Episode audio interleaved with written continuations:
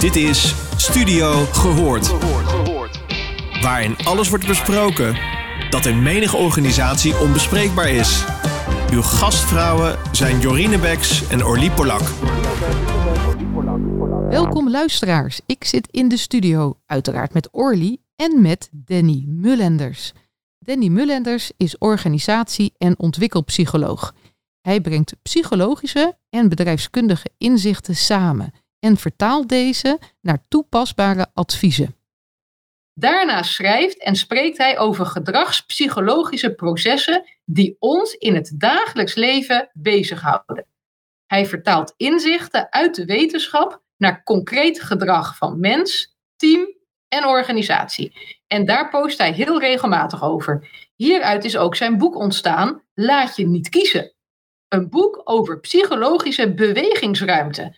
En dan kom ik al direct bij de eerste vraag, Danny. Want Hm. hoe creëer je die, deze bewegingsruimte? Daar kunnen we een, eh, een goede podcast over gaan, eh, gaan volpraten. Een kort antwoord is, Jorien. eh, het is wat mij betreft de ruimte benutten tussen hetgeen wat jou gebeurt, hetgene wat jou overkomt, en de manier waarop je erop reageert. Dus snappen en zien dat je op jouw eigen manier kan reageren op situaties. Ik hoorde laatst een goede vriend van mij zeggen: God, dat is wat vaag en wat abstract en wat filosofisch. Ik zie het vaker terug in eh, assessment en, eh, en coaching. Ik heb het vanochtend meegemaakt. Ik had een tweetal mensen hier, zitten in een reorganisatie in een zorginstelling. En die dames hebben het gevoel dat hen van alles wordt aangedaan en van alles overkomt. Het leuke vind ik op het moment dat je dan eh, het gesprek aangaat en je stelt een aantal goede vragen.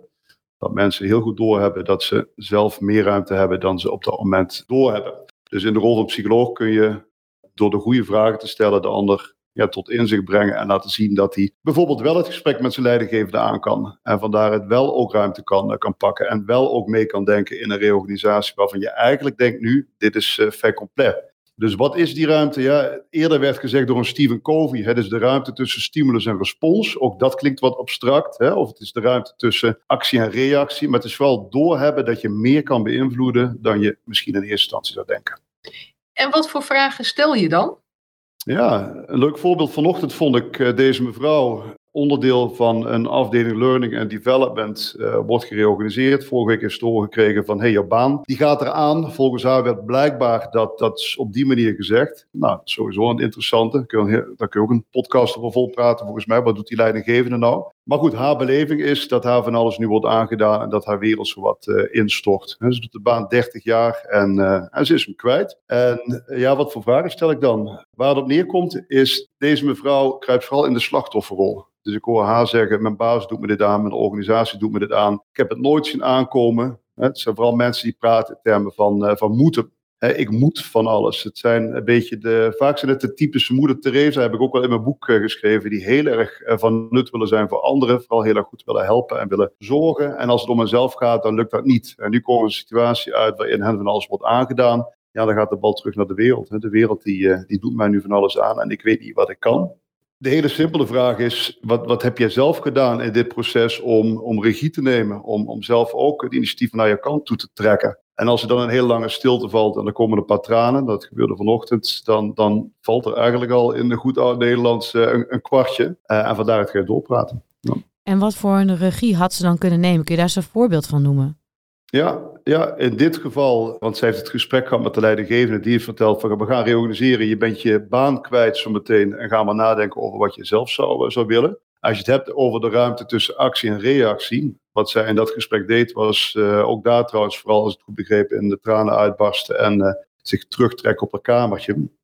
Ze had het gesprek kunnen blijven aangaan en haar leidinggevende wat meer vragen kunnen stellen over uh, achtergronden. Hè, wat maakt dat dit uh, gebeurt? Wat maakt dat dit mij op dit moment overkomt? Kun je ook verplaatsen in mijn positie? Wat ik daar vooral merkte was dat uh, de leidinggevende, met het is haar verhaal natuurlijk, de leidinggevende die, ja, die ging vooral op de stoel van de leraar, hè, de teacher zitten. En die ging vooral even lopen uitleggen hoe de wereld in elkaar zit en waarom gereorganiseerd ging, ging worden. Waardoor die mevrouw niet de ruimte voelde om daar zelf iets tegen in te brengen. Dus, dus in dit geval, wat mij betreft, dat klinkt wat, wat bot misschien, maar zat die, die leidinggever ook wel eens mooi aan de kleren kunnen gaan. Maar daar ook, je moet doorhebben dat dat dus kan op dat moment. Dat je dus niet in die slachtofferrol moet kruipen, maar dat je ruimte hebt om op een gelijkwaardige manier met elkaar het gesprek uh, te hebben. En dat, dat inzicht was er duidelijk niet. Kan dat altijd? Want Het klinkt heel mooi, hè, wat je zegt. Het is heel erg mooi dat je je eigen bewegingsruimte hebt. En dat je gewoon het moet vragen. Maar er zijn ook wel wat mensen die toch wel drempels voelen. Ja, nou en dat, en dat vind ik een, super interessant thema wat je nu aanhaalt. Want wat, wat bepaalt of je die ruimte wel of niet voelt? Ja, dan komt een beetje de academie in, in, in mij omhoog. In de zin van, uh, een mens staat niet los van zijn omgeving. Daar hebben we het ook al over gehad eerder, uh, Jorien. Hè? Dus je bent niet uh, alleen op deze planeet. Dus je hebt je te verhouden tot, tot anderen. Hè? En anderen maken een indruk op je. En die beïnvloeden je, of je het nou door hebt of, of niet. Heel veel processen gebeuren automatisch. En je reageert op je eigen manier ook vanuit wie je bent en hoe je gevormd bent. Dus wat mij betreft, stap 1 ook in het vinden van iets van ruimte, iets van psychologische bewegingsruimte, is dat je zo'n beetje doorhebt wie jij zelf bent en ja, hoe je je verhoudt tot je omgeving. Met andere woorden, ja, in welke context, in welke omgeving zit ik hier eigenlijk?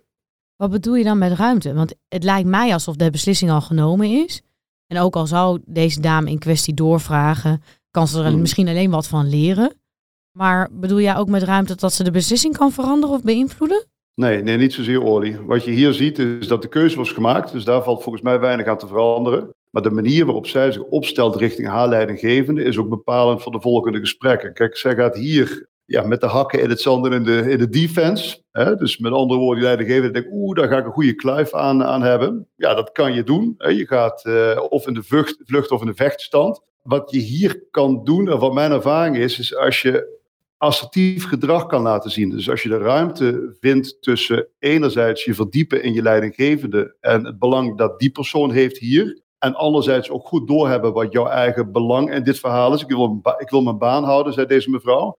En daartussenin uitkomen, dan heb je ruimte om het gesprek aan te gaan. Dus nogmaals, je kunt de hak in het zand zetten en zeggen van god, de wereld doet mij van alles aan. Of je kunt bijna letterlijk je leidinggevende over de tafel trekken, dat is de andere kant, hè, het agressieve gedrag.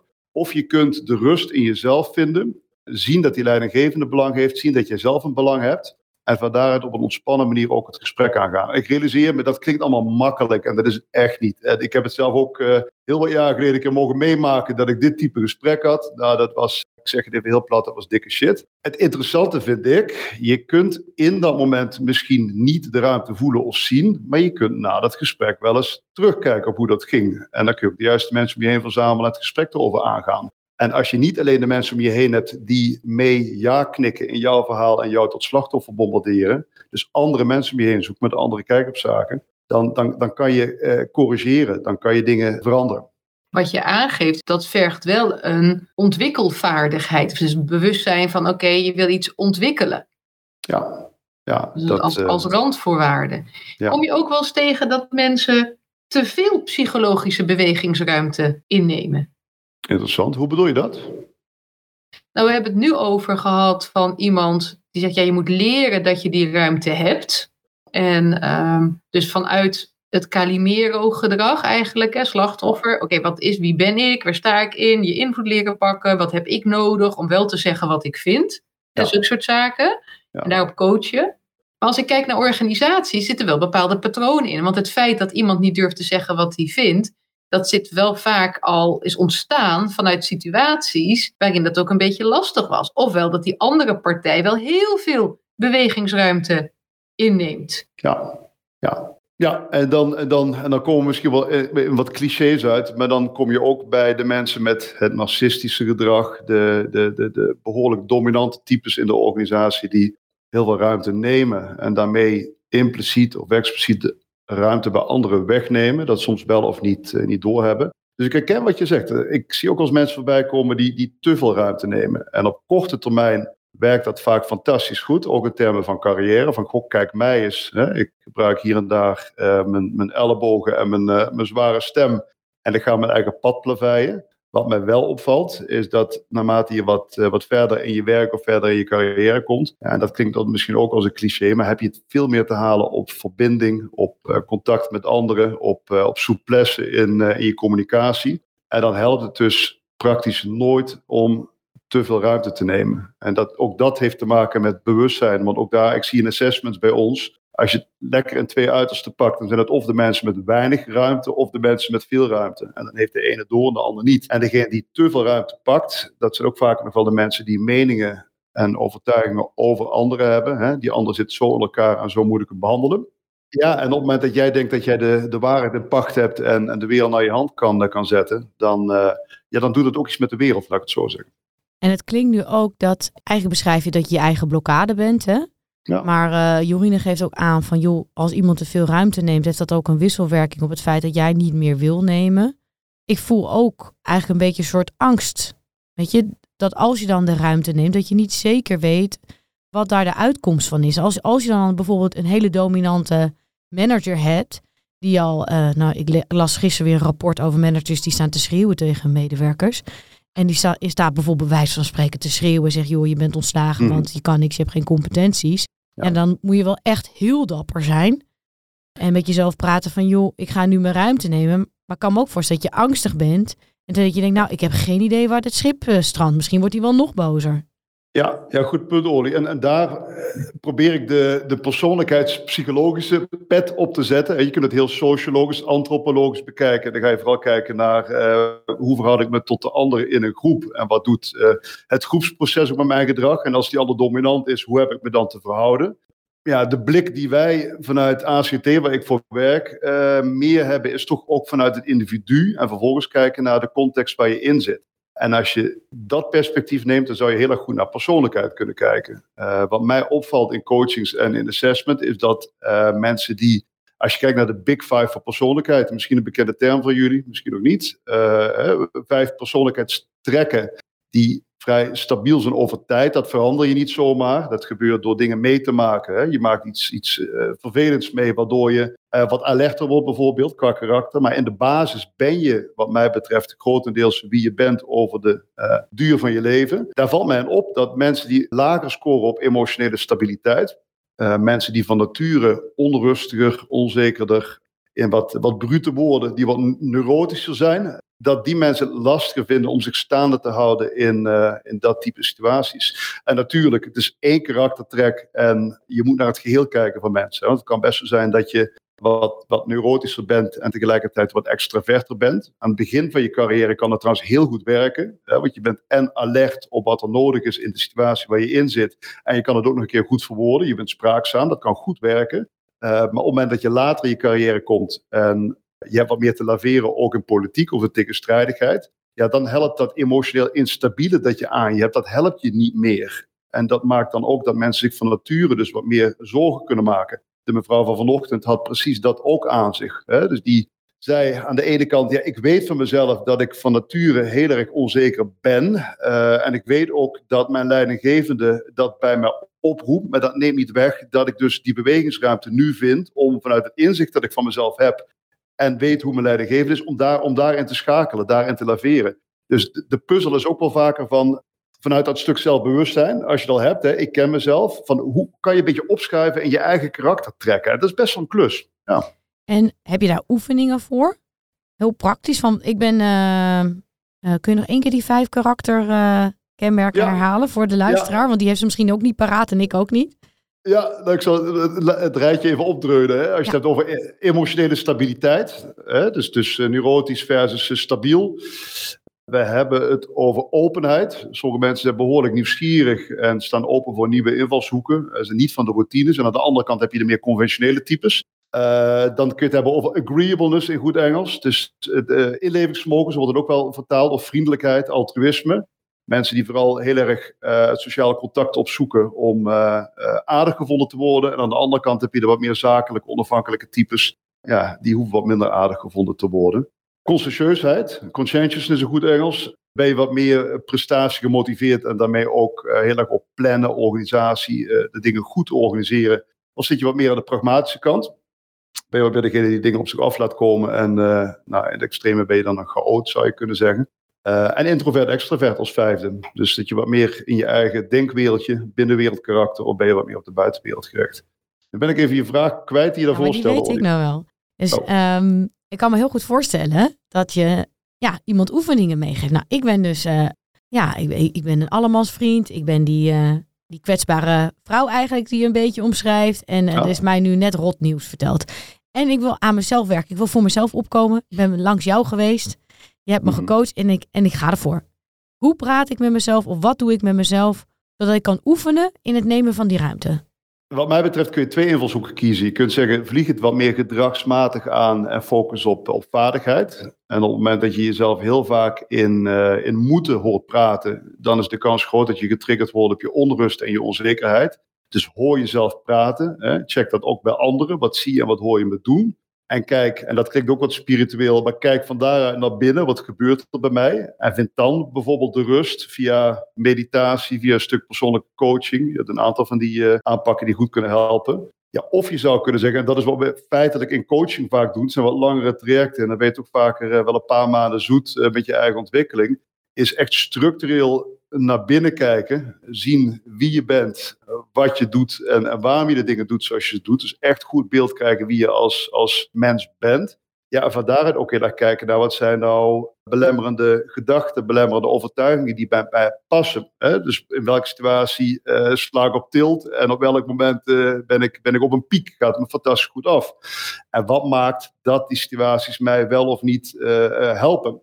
En op het moment dat je, en dan hebben we het wat meer over rationeel emotieve training, mogelijk ook voor jullie wat bekende termen. Hè? Dus als je wat meer op je eigen overtuigingen kan kijken en die oefenenderwijs kan aanpassen naar meer, meer helpende overtuigingen, dan betekent dat bijna per definitie één op één iets voor je gedrag. Dus op het moment dat jij kan denken, even het klassieke voorbeeld van de presentatie. Hè? Ik, ik, durf geen presentatie te geven, want ik ga wel weer aan mijn bek net zoals de vorige keer. Vaak zit er iets, gaat er iets aan vooraf ja, dat is niet echt helpend. Uh, en op het moment dat je doorhebt dat je zo denkt en dat het betekent dat je die presentatie gaat vermijden, uh, dan kun je een stap terugzetten. Dan kun je je eigen gedachten bekijken en dan kun je uh, proberen te lachen om jezelf. En dus te kijken, waarom ging het de vorige keer mis? Ja, iemand maakte even ergens een lullige opmerking en net in dat moment had je dat even niet, had je je antwoord niet paraat. Nou, de volgende keer, wie zegt dat die meneer of mevrouw weer in het publiek zit? je gaat het gewoon weer proberen. dus, dus voor een deel heeft het te maken met overtuigingen en voor een deel heeft het ook wat te maken met op een ontspannen manier ja, nieuwe situaties kunnen aangaan. Ik realiseer me dat ik makkelijk praat. Hè, want ik, zie de, ik heb toch al best wat mensen voorbij mogen zien komen afgelopen 25 jaar. Maar ik zie wel, dat laatste werkt wel het beste. In de zin van werken van bewustwording naar kijken wat zijn je overtuigingen naar ander gedrag. En dat heb je niet met twee dagen gedaan. Wat je zegt eigenlijk is een kwestie van oefenen. Fietsen leer je door te fietsen. Ja. Dus gaan anders, anders gaan doen. Nu hebben we natuurlijk het voorbeeld van die mevrouw wat je net aangaf, hè, vanuit uh, de ruimte innemen. We hebben de, de manager aan de andere kant. Mm-hmm. En dat is ook wel vaak ook wel horen. Ook als ik uh, opdrachten heb, meer ook aan niveau van raad van bestuur, die mm-hmm. toch weer heel anders kijken naar de situatie dan vanuit medewerkers. Ja. Uh, en nu wil je toch spreken. Ik heb ook een casus van een HR-directeur die zegt: joh, maar dat ze niet durven te zeggen tegen mij wat ze vinden. Mijn deur staat open, ik ben één van hen, heel laagdrempelig, et cetera. Mhm. Waarbij je gewoon merkt dat je heel snel bijna in die overtuiging schiet als iemand zo vastzit in dat patroon. Nu ben ik benieuwd. Als ik ga kijken naar de Big Five. Wat van die Big Five zie je vaak op dat niveau? Zie je ook een logica als je gaat kijken in de patronen binnen organisaties door de jaren heen. We hebben natuurlijk ook nog de zeven vinkjes. Hebben we dat zo laten ontstaan? En heb je natuurlijk nog een tip.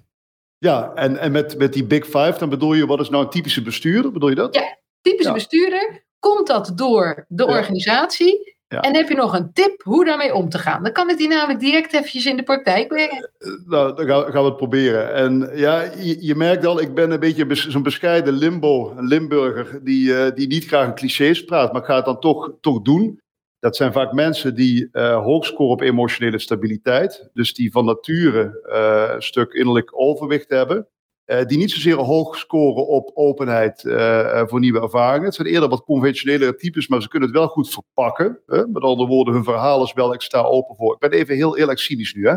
maar een verhaal is vooral wel heel erg van, ik sta open voor nieuwe ervaringen, maar eigenlijk houden ze heel erg vast aan hun eigen overtuigingen en hun eigen denkbeelden. Dus die kunnen het goed brengen, zou je kunnen zeggen. Dus dat zegt ook eens over introvert-extrovert vaak, en het cliché is daar ook weer in de zorg, zie je wat meer de introverte bestuurder. In de profit valt wat meer de extraverte bestuurder op. Maar bestuurders weten het wel vaak ook wel goed, goed te, te verpakken. Consciëntieus laag. Laag in de zin van uh, wat minder planmatig. Ik ga het nog wat ingewikkelder maken. Consciëntieusheid kun je in tweeën opknippen. Je kunt het hebben over prestatie, motivatie en over plannen en organiseren. Dus we scoren laag op planning. Het zijn een beetje de chaoten. En ze scoren wel hoog op prestatiemotivatie. Dus dat is die lat die hoog ligt en ze willen ergens komen. En dan ben ik even aan denken, ik heb er waarschijnlijk ergens één van de, van de vijf gemist. Inleving. Uh, dankjewel, inleving. Nou, en, en daar, en dat, dat vind ik ook schitterend, en dat hangt ook wel samen met die communicatiestijl. Het zijn mensen die vaak goede training hebben gedaan, coaching hebben gedaan en die geleerd hebben om, om empathie in praktijk te brengen. Mijn stelling, empathie is niet je noemt het intrinsiek te leren. Dat is niet iets wat je je intrinsiek eigen maakt. Je kunt er wel hele goede tips en tricks voor, voor krijgen. En je kunt er wel wat aan opschuiven. Maar op het moment dat je in de basis niet empathisch bent. Ik heb nog weinig mensen gezien die, die een jaar later eh, wel empathisch zijn door coaching of training. Dus het zijn wel mensen die ook daarin ja, het spel goed leren spelen. En je hoort een beetje mijn, mijn cynisme hierin. Hè, in de zin van uh, ja, handig met de ander kunnen omgaan. Maar dat is wel wat ik zie gebeuren. Dus vrij stabiel, vrij conventioneel in hun denken, dat anders uiten. Uh, lijken in leven zijn dat vaak wat, wat minder. Hoge prestatiemotivatie, laag op plannen, afhankelijk van context, introvert of extrovert. En, en is dat nou ontstaan? Want je, je noemt het best wel vloeiend op. Oké, je zegt ben een beetje sceptisch, maar het is wel wat je zegt nog overkeken van oh, in de zorgomgeving zie ik meer dit en daar zie ik meer dat. Je zou bijna zeggen, zo, zo zit het dus dan wel. Komt dat door hoe wij selecteren? Komt dat door, ik zeg het toch even, die zeven vinkjes? Hoe komt het dat die mensen daar zitten? Ja, hoe komt het? En dan, dan, dan grijp ik ook, ook wel even terug op uh, onze oude vriend Darwin, die jullie ook uh, zullen kennen. Het, het heeft wel echt te maken met hetgeen wat er al is in, in een organisatiecontext. Daar wordt op voortgeborduurd. En op het moment dat, dat dominantie heel aanwezig is, dan wordt dat gedrag gekopieerd. En wie zit er in sollicitatiegesprekken? Ja, de vacaturehouder. Dat is vaak de manager, de leidinggevende. Ja, en we willen het niet. We geven ook vaker sollicitatietrainingen hier, maar toch ga je ook onbewust op zoek naar mensen die op je lijken. Dus op het moment dat jij dominant bent, dan is de kans heel groot dat die hele dominante persoon ook binnenkomt. En dan, dat vind ik het leuk ook aan assessments. Ga ik even toch commercieel lopen doen hier.